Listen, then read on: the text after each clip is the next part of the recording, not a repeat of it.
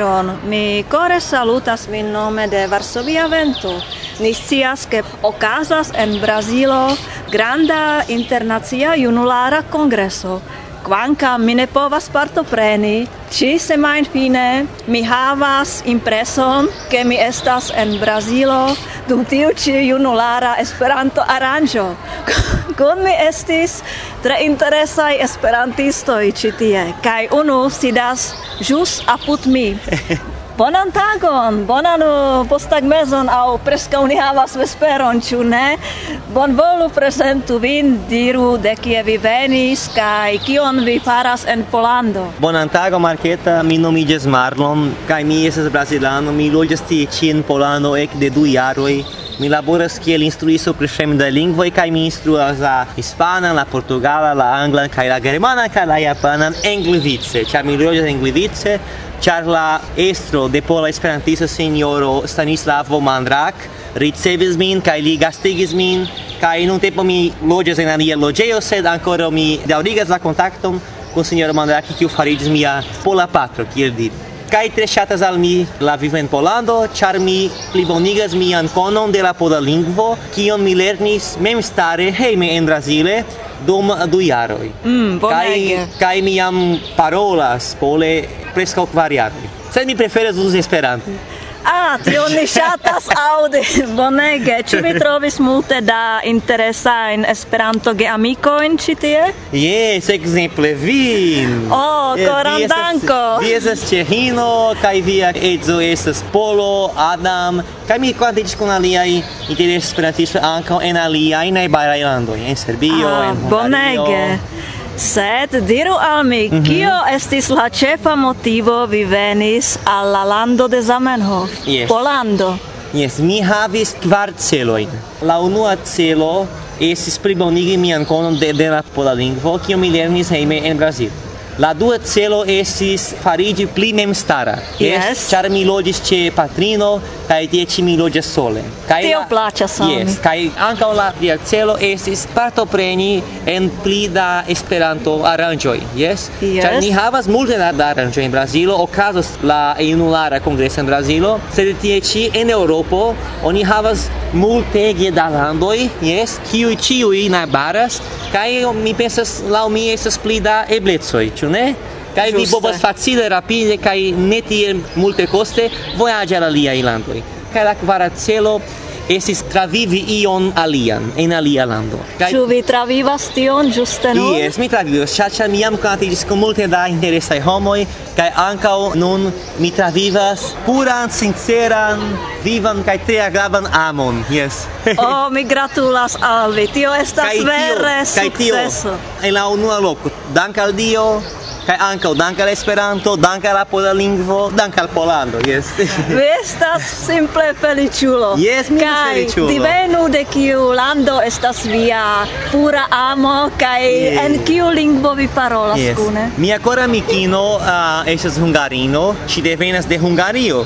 Multe de esperantistoj scias ke Hungario estas la lando kiu plej apogas kaj subtenas Esperanto. La ker yes. la ker ekzameno estas organizata de Hungario. Kaj en la universitato yes. oni instruas Esperanton, yes, la yes. unu sola lando en Eŭropo, ĉu ne? Yes, yes, yes, yes, yes, vi pravas kai si devenas el Hungario kai ni parolas pole char si amegas polandon la polan lingvo. Pro tio si forlasis sian landon siaj gepatrojn por vivi tie ĉi ĉu ne? Same kiel vi. Same kiel mi yes. Kaj ni loĝas en Glivice kai si ancora ne sia Esperanton ĉar nuntempe si okupiĝas pri la lernado de, de la hispana lingvo yes, kaj si ankaŭ lernetas la portugalan kaj post kiam si regos la portugala kaj la hispana si celos lerni Esperanton iomete iomete pro mi, sed ŝi ankaŭ volus partopreni en aranĝo en kongreso kune kun mi. Ĉar se ŝi ne scius Esperanton, ŝi ne povus komuniki komuniki kun la homoj. Yes. Yes. Kaj ŝi ne volas dependi de mi, ĉar mi rimarkis ke hungarinoj same kiel ĉehinoj kaj polinoj estas tre sendependaj. Yes, tio devas esti. Se la homo estas sendependaj, poste la amo funkcias. Yes, estas bone. Ciu devas stavi je propraj piedoj, ne esti tro dependaj, kai poste eble cio sukcesas mm -hmm. pli bone. Yes. Koran dankon, estis tre interesa interparolo kun vi el fora regiono Amazonia, ĉu? Yes, yes, mi devenas el norda brasilo Mi per dire ancora ne conas Amazonio, mi ancora ne estis en la arbarego, yes. Mi mi planas ec visiti gin, sed mi logis tre proksime. Ciu, ne ciu vi portos nenten? Onico, ha ŝi nomiĝas Onico, ah, kaj al... Onico. Ah, via anca? Yes, mi ciu, Ni povos. Eble. Do ni devos pose paroli pri tio. Bonege. Priparoli la la vojaĝon. Bonege. Al Amazonio. kai diru kian interesan vesperon ni havas citie ĉi tie en Krakovo hodiaŭ? Ja, hodiaŭ en Krakovo ni partoprenas en la unue organizata en Krakovo Junia Festo. Tiu estas unu festo kiu tiam okazas en Brazilo iunie. Nur iunie, ĉar tiu estas festo rilata al la Sankta Johano. Kaj en tiu festo oni oni celebras la vivon en la kamparo. Pro tiu ke oni vestiĝas sin kiel kamparanoj. Sed ridinde, jes ni ne volas serioze, yes. serioze aspekti, sed ridinde. Estas por, por amuzigi, por, por amuzigi la homoj kaj kaj por amuzigi ankaŭ. Yes, yes kaj ni ankaŭ kaptis la atenton, ĉar aliaj demandis en kiu lingvo vi parolas? Kia yes. lingvo ĝi estas? Kaj yes. tuj ni kaptis atenton. Malgaŭ yes. aliuloj pri Esperanto, tio yes. estas bonega reklamo. Yes. Malgraŭ tio, ke ni partoprenis en Brazila pola aranĝo? Hungara hung... ĉeĥa kaj ni jes okej okay. malgraŭ tio ke ni partoprenis en pola hungara ĉeĥa brazila aranĝo ni uzis ankaŭ esperanton. Dankon koran dankon. Tio estas perfekta fino yes. de tiu ĉi vespero koran dankon ĝis ĝis la reaŭdo.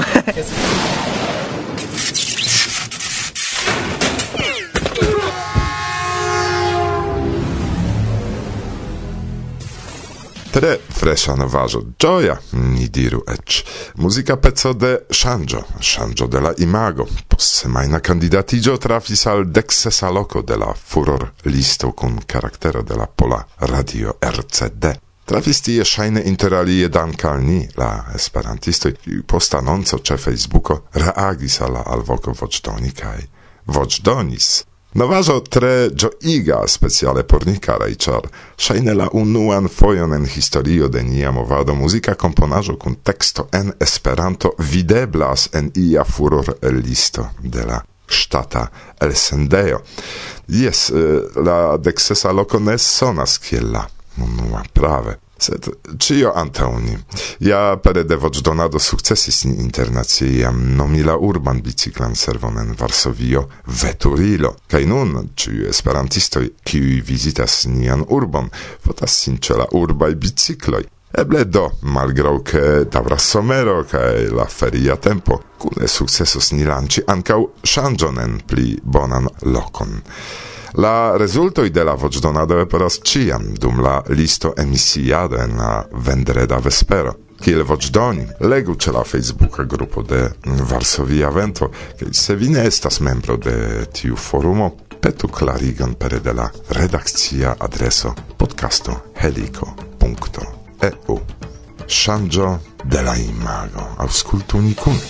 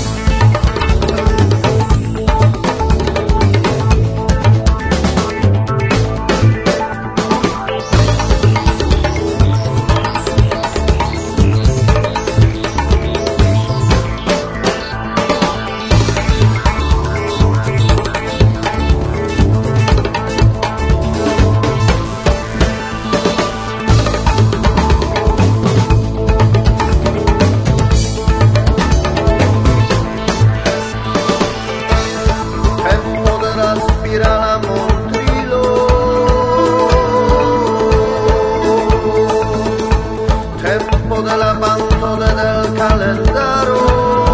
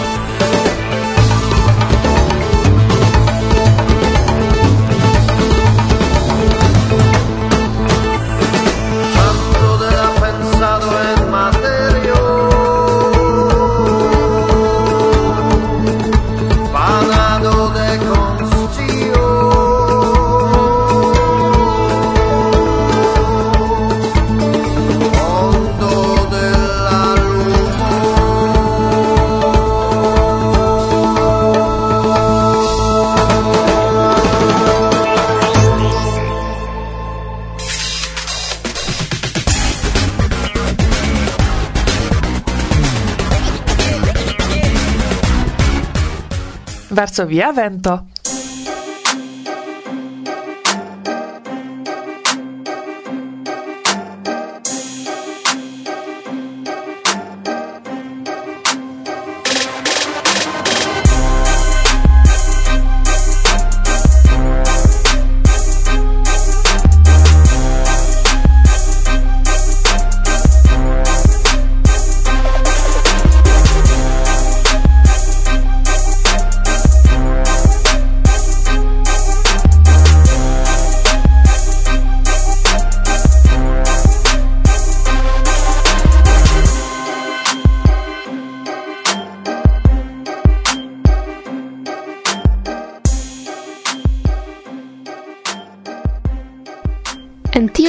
de contacto vi renkontos ankoraŭ foje Ivan el Columbio, kiu daŭrigos sian historion pri vojaĝo al Israelo de la lasta kontakto. Li vizitis ekzemple muzeon de la holokausto. Tiu vizito serioze influis lin, specife salo kun fotoj de infanoj. Basa voĉo elparolas tie nomojn de ĉiu mortigita infano, ĉiu el unu kaj duono da milionoj. Poste planoi de Ivan complicigis pro shabato cae pro neatendita lastmomenta shangio de congreseio. Sed tio creis novain ec iom pli amusain aventuroin. Compreneble, tio ĉi ne estas cio. Ivan travivis pli multe, tamen mi ne povas malkaŝi, ĉar mi volas, ke vi mem per okuloj de via imago ekvidu liajn aventurojn. Mi salutas vin Ivan. Ankaŭ mi estis en Izraelo kaj mi legis vian rakonton kun plezuro. Dankon. Kasia Ho.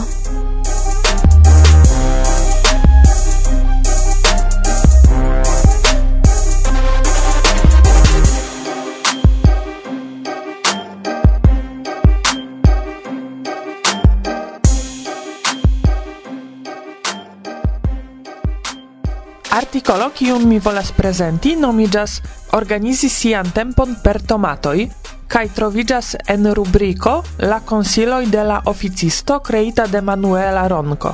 Ĉu ankaŭ vi foje sidas longe kun aĵoj farendaj kaj vi havas la impreson neniel progresi? Ĉu vi dediĉas tro da tempo kaj malmulton atingas? Manuela proponas metodon por fokusigi sur viaj taskoj kaj pli efike uzi vian laboran tempon. Vi dividu laboron en dudek kvin minutaj partoj. Post ciu parto estu kvin minuta pauzo. Kial fari pauzoj? Esploroj trovis, ke averaĝaj homoj ne povas koncentriĝi longe sur la sama tasko, kaj tial post ĉirkaŭ duonhoro de laboro oni iĝas neproduktivaj. Historio, metodo, graveco kai kiel mem evolui dank al tiu tehniko estas priskribita en artikolo.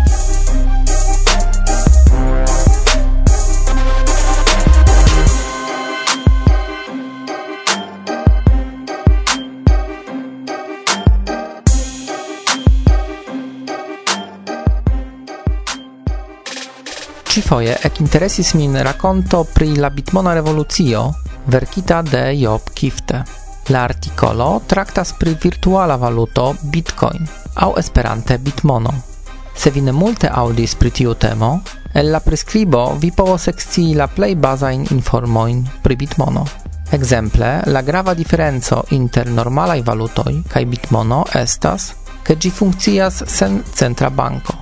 Tio signifas, ke ne existas unu organizo, kiu kontrolas la monon kaj zorgas pri ĝia sekureco. Kvankam tio, la mono estas bone protektita kontraŭ malicaj uzantoj. La autoro provas priskribi kia maniere funkcias tiu protekto teknike, sed ŝajne la afero estas iomete tro komplika por klarigi ĝin en kelkaj frazoj. Kvankam mi legis tiun priskribon kelkfoje, verdire ne multe mi komprenis. En la dua parto de articolo, Job Kifte respondas al la demando kial valoras uzi bitmonon. La cefa kialo estas, ke vi rapide kaj senpage aŭ tre malmulte koste povas sendi monon al aliaj personoj per la interreto. Certe, se vi ambaŭ vivas en la sama lando, tio foje eblas pere de banksistemo. Sed sendi monon inter du landoj preskaŭ ĉiam estas afero malrapida kaj multe costa. Alia valoro de bitmono estas, ke uzante gin oni povas transdoni monon tute anonime. Tio certe utilas por tiuj, kiuj ŝatus konservi sian privatecon kontraŭ viglado. Kio mankis al mi en la artikolo estas pli detala informo kiel uzi bitmonon en Esperantujo. Ekzemple, nuntempe por senti antaŭ pagon al organizantoj de internacia renkontiĝo, oni povas fari tion pere de UEA konto aŭ iu peranto se tio estas tre malrapida vojo. Aliflanke, costo en bank sistemo ofte estas pli granda ol la antaŭpago mem.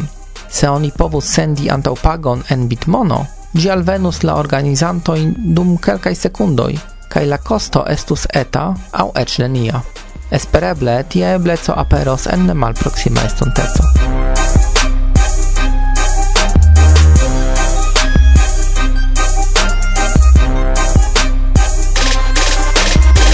La plei interesei leu nia redakcia artikolo e la ducent sesteca numero de contacto prezentis al vi Kasia Ho, Gorzkame kaj Tomek. Yes, Varsovia Vento.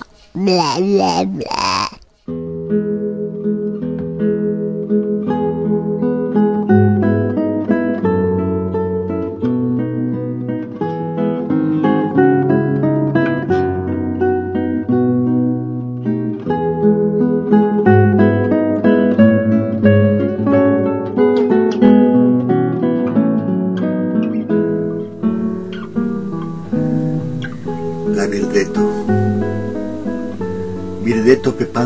al espero, char gi perdigis pro forta vento, iu hasarde rompis la neston.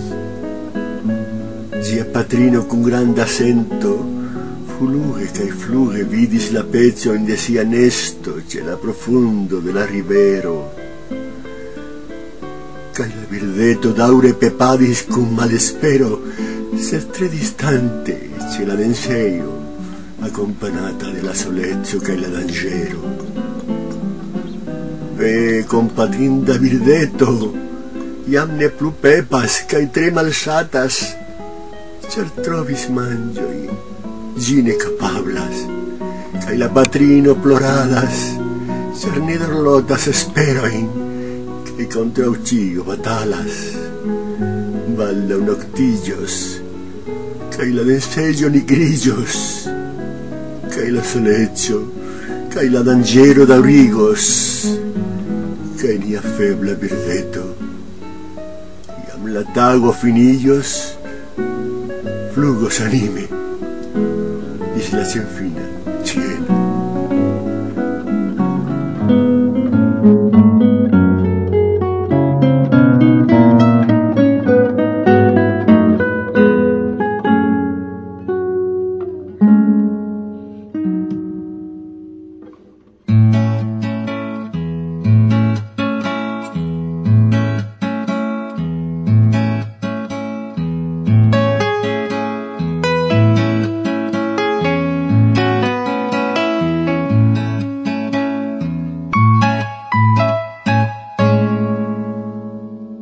Varsovia, vento, bla bla bla. bla.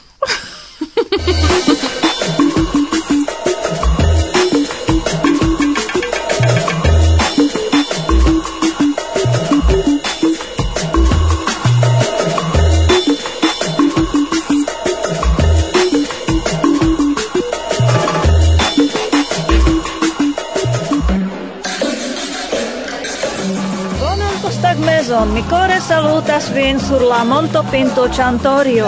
Ni jam ec de kvar horoj ĝuas tre belan gajan atmosferon ĉi tie, kvankam la vetero ne tro favoras.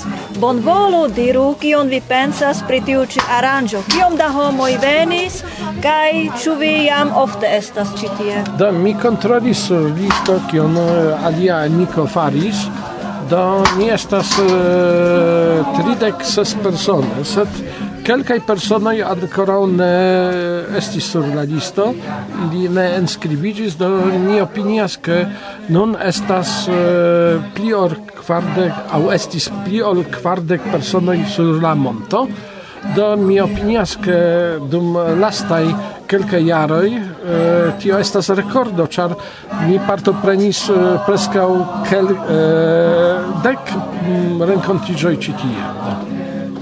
Ĉu vi vere pensas ke tiu ĉi estis la rekorda renkontiĝo? Eh, Eble dum la lastaj dek jaroj, eh, ĉu ne? Vidu, vidu kiam Miko uh, mi tion informon donis al partoprenantoj, estis ankaŭ informo ke en jaro 1960 ok estis uh, ĉi tie pli ol cent esperantistoj do por mi tio estas tre mirinda afero char mi ne sciis pri tio. Do vi vidas, ke eh, 1960 ok estas tre grava dato en la eventoj do eh, se ili estis eh, tiel nombre tio signifas ke amikeco inter poloj kaj ĉeĥoj kvankam tiuj politikaj eventoj estis estis sufiĉe bona precipe inter esperantistoj kaj mi esperas ke pliboniĝas paŝo post paŝo Dumla com una Europa Unio, ĉu ne?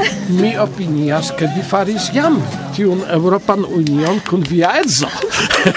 Do bone, paŝo, paŝo, bone, se tion ni... Paŝo, paŝo, post paŝo, sed, sed eh, vi tiun Europan Union konstruas, konstruas. Sed multaj homoj jam nuntempe pensas pri la disfalo de la Europa Unio kaj ĝia ne tre forta funkciado. Tio, tio estas eh, alia ta tasko de aliej personoj, sed vi verŝajne tiun Europan Union plifortiĝos.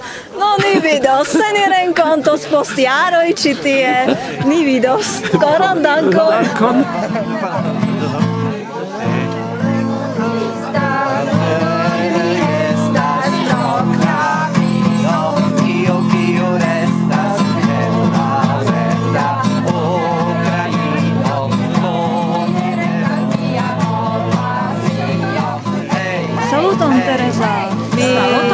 Francesca sur la monto pinto Chantorio.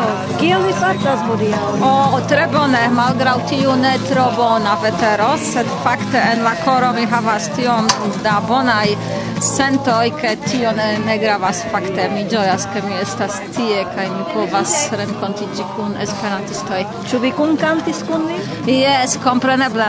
Mi tre ŝatas kanti kaj dank al tio ke estis ebleco kanti kun gitaro. Do por mi estas tiel agrable eh, pasigi tempon kun multa esperantistoj kiuj tiel bonege povas amuziĝi kanti. Do fakte estas tre tre agrabla eh, evento por mi. Kiom da fojoj vi jam estas ĉi tie? Do fakte mi estas duan fojon en mia vivo sur Chantorio, ĉar mi loĝas sufiĉe malproksime de tiu loko, sed mi opinias ke valoras, ke valoras eh, longe vojaĝi por alveni ĉi tien kaj esti kun esperantistoj. Jes, estas vere bonega atmosfero kaj mi ĝojas ke vi venis kaj espereble mi revidos vin venontjare ĉi oh, tie denove. Jes, mi volonte eh, venos denove. Kaj havu bonan bonan vojon hejmen. Dankon, dankon, kaj koran saluton al ĉiuj, kiuj aŭskultas Vroclavaniloj sur la montopinto Santoria. Bonege, danko. Ĉu vere? Kia? Sesdek oka.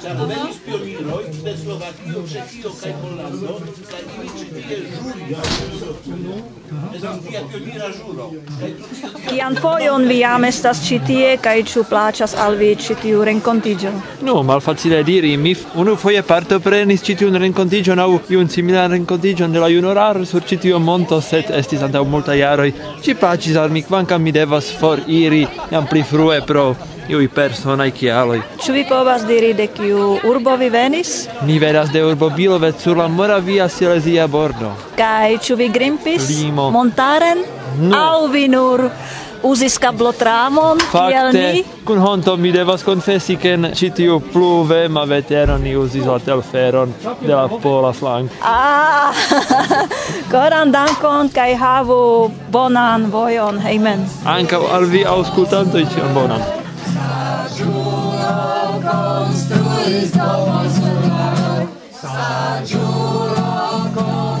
Ciare alla renconto venis pli ol quardec gesperantistoi, kiui cune cantis, ludis gitaron, cae tabul ludon, scherzis, amusigis, dancis, presentis fotoin, cae impresoin, pri siai voyagioi, cae priparolis planoin partopreni aliaen aranjoin, gustumis locan mangion, cae bierumis, cehan bonegan bieron en nia ceha montara gasteo kaj tipe polan kuko sen kach kun portitan de esperantistoi el polando Kaj hodiaŭa renkonto kiel ĝi plaĉis al vi?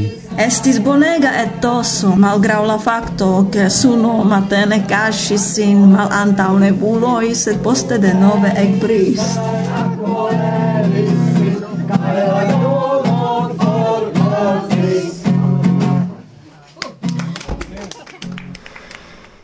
Kai ti estas cio en nia lastantaŭ somera pauzo elsendo. Adiaŭas vin la provizora studio de Varsovia Vento. Martusia, Kasiecho, Kasieto, Miłosz, Goniame, Tomek. Kaj mi, Irek. Jeez! Dog.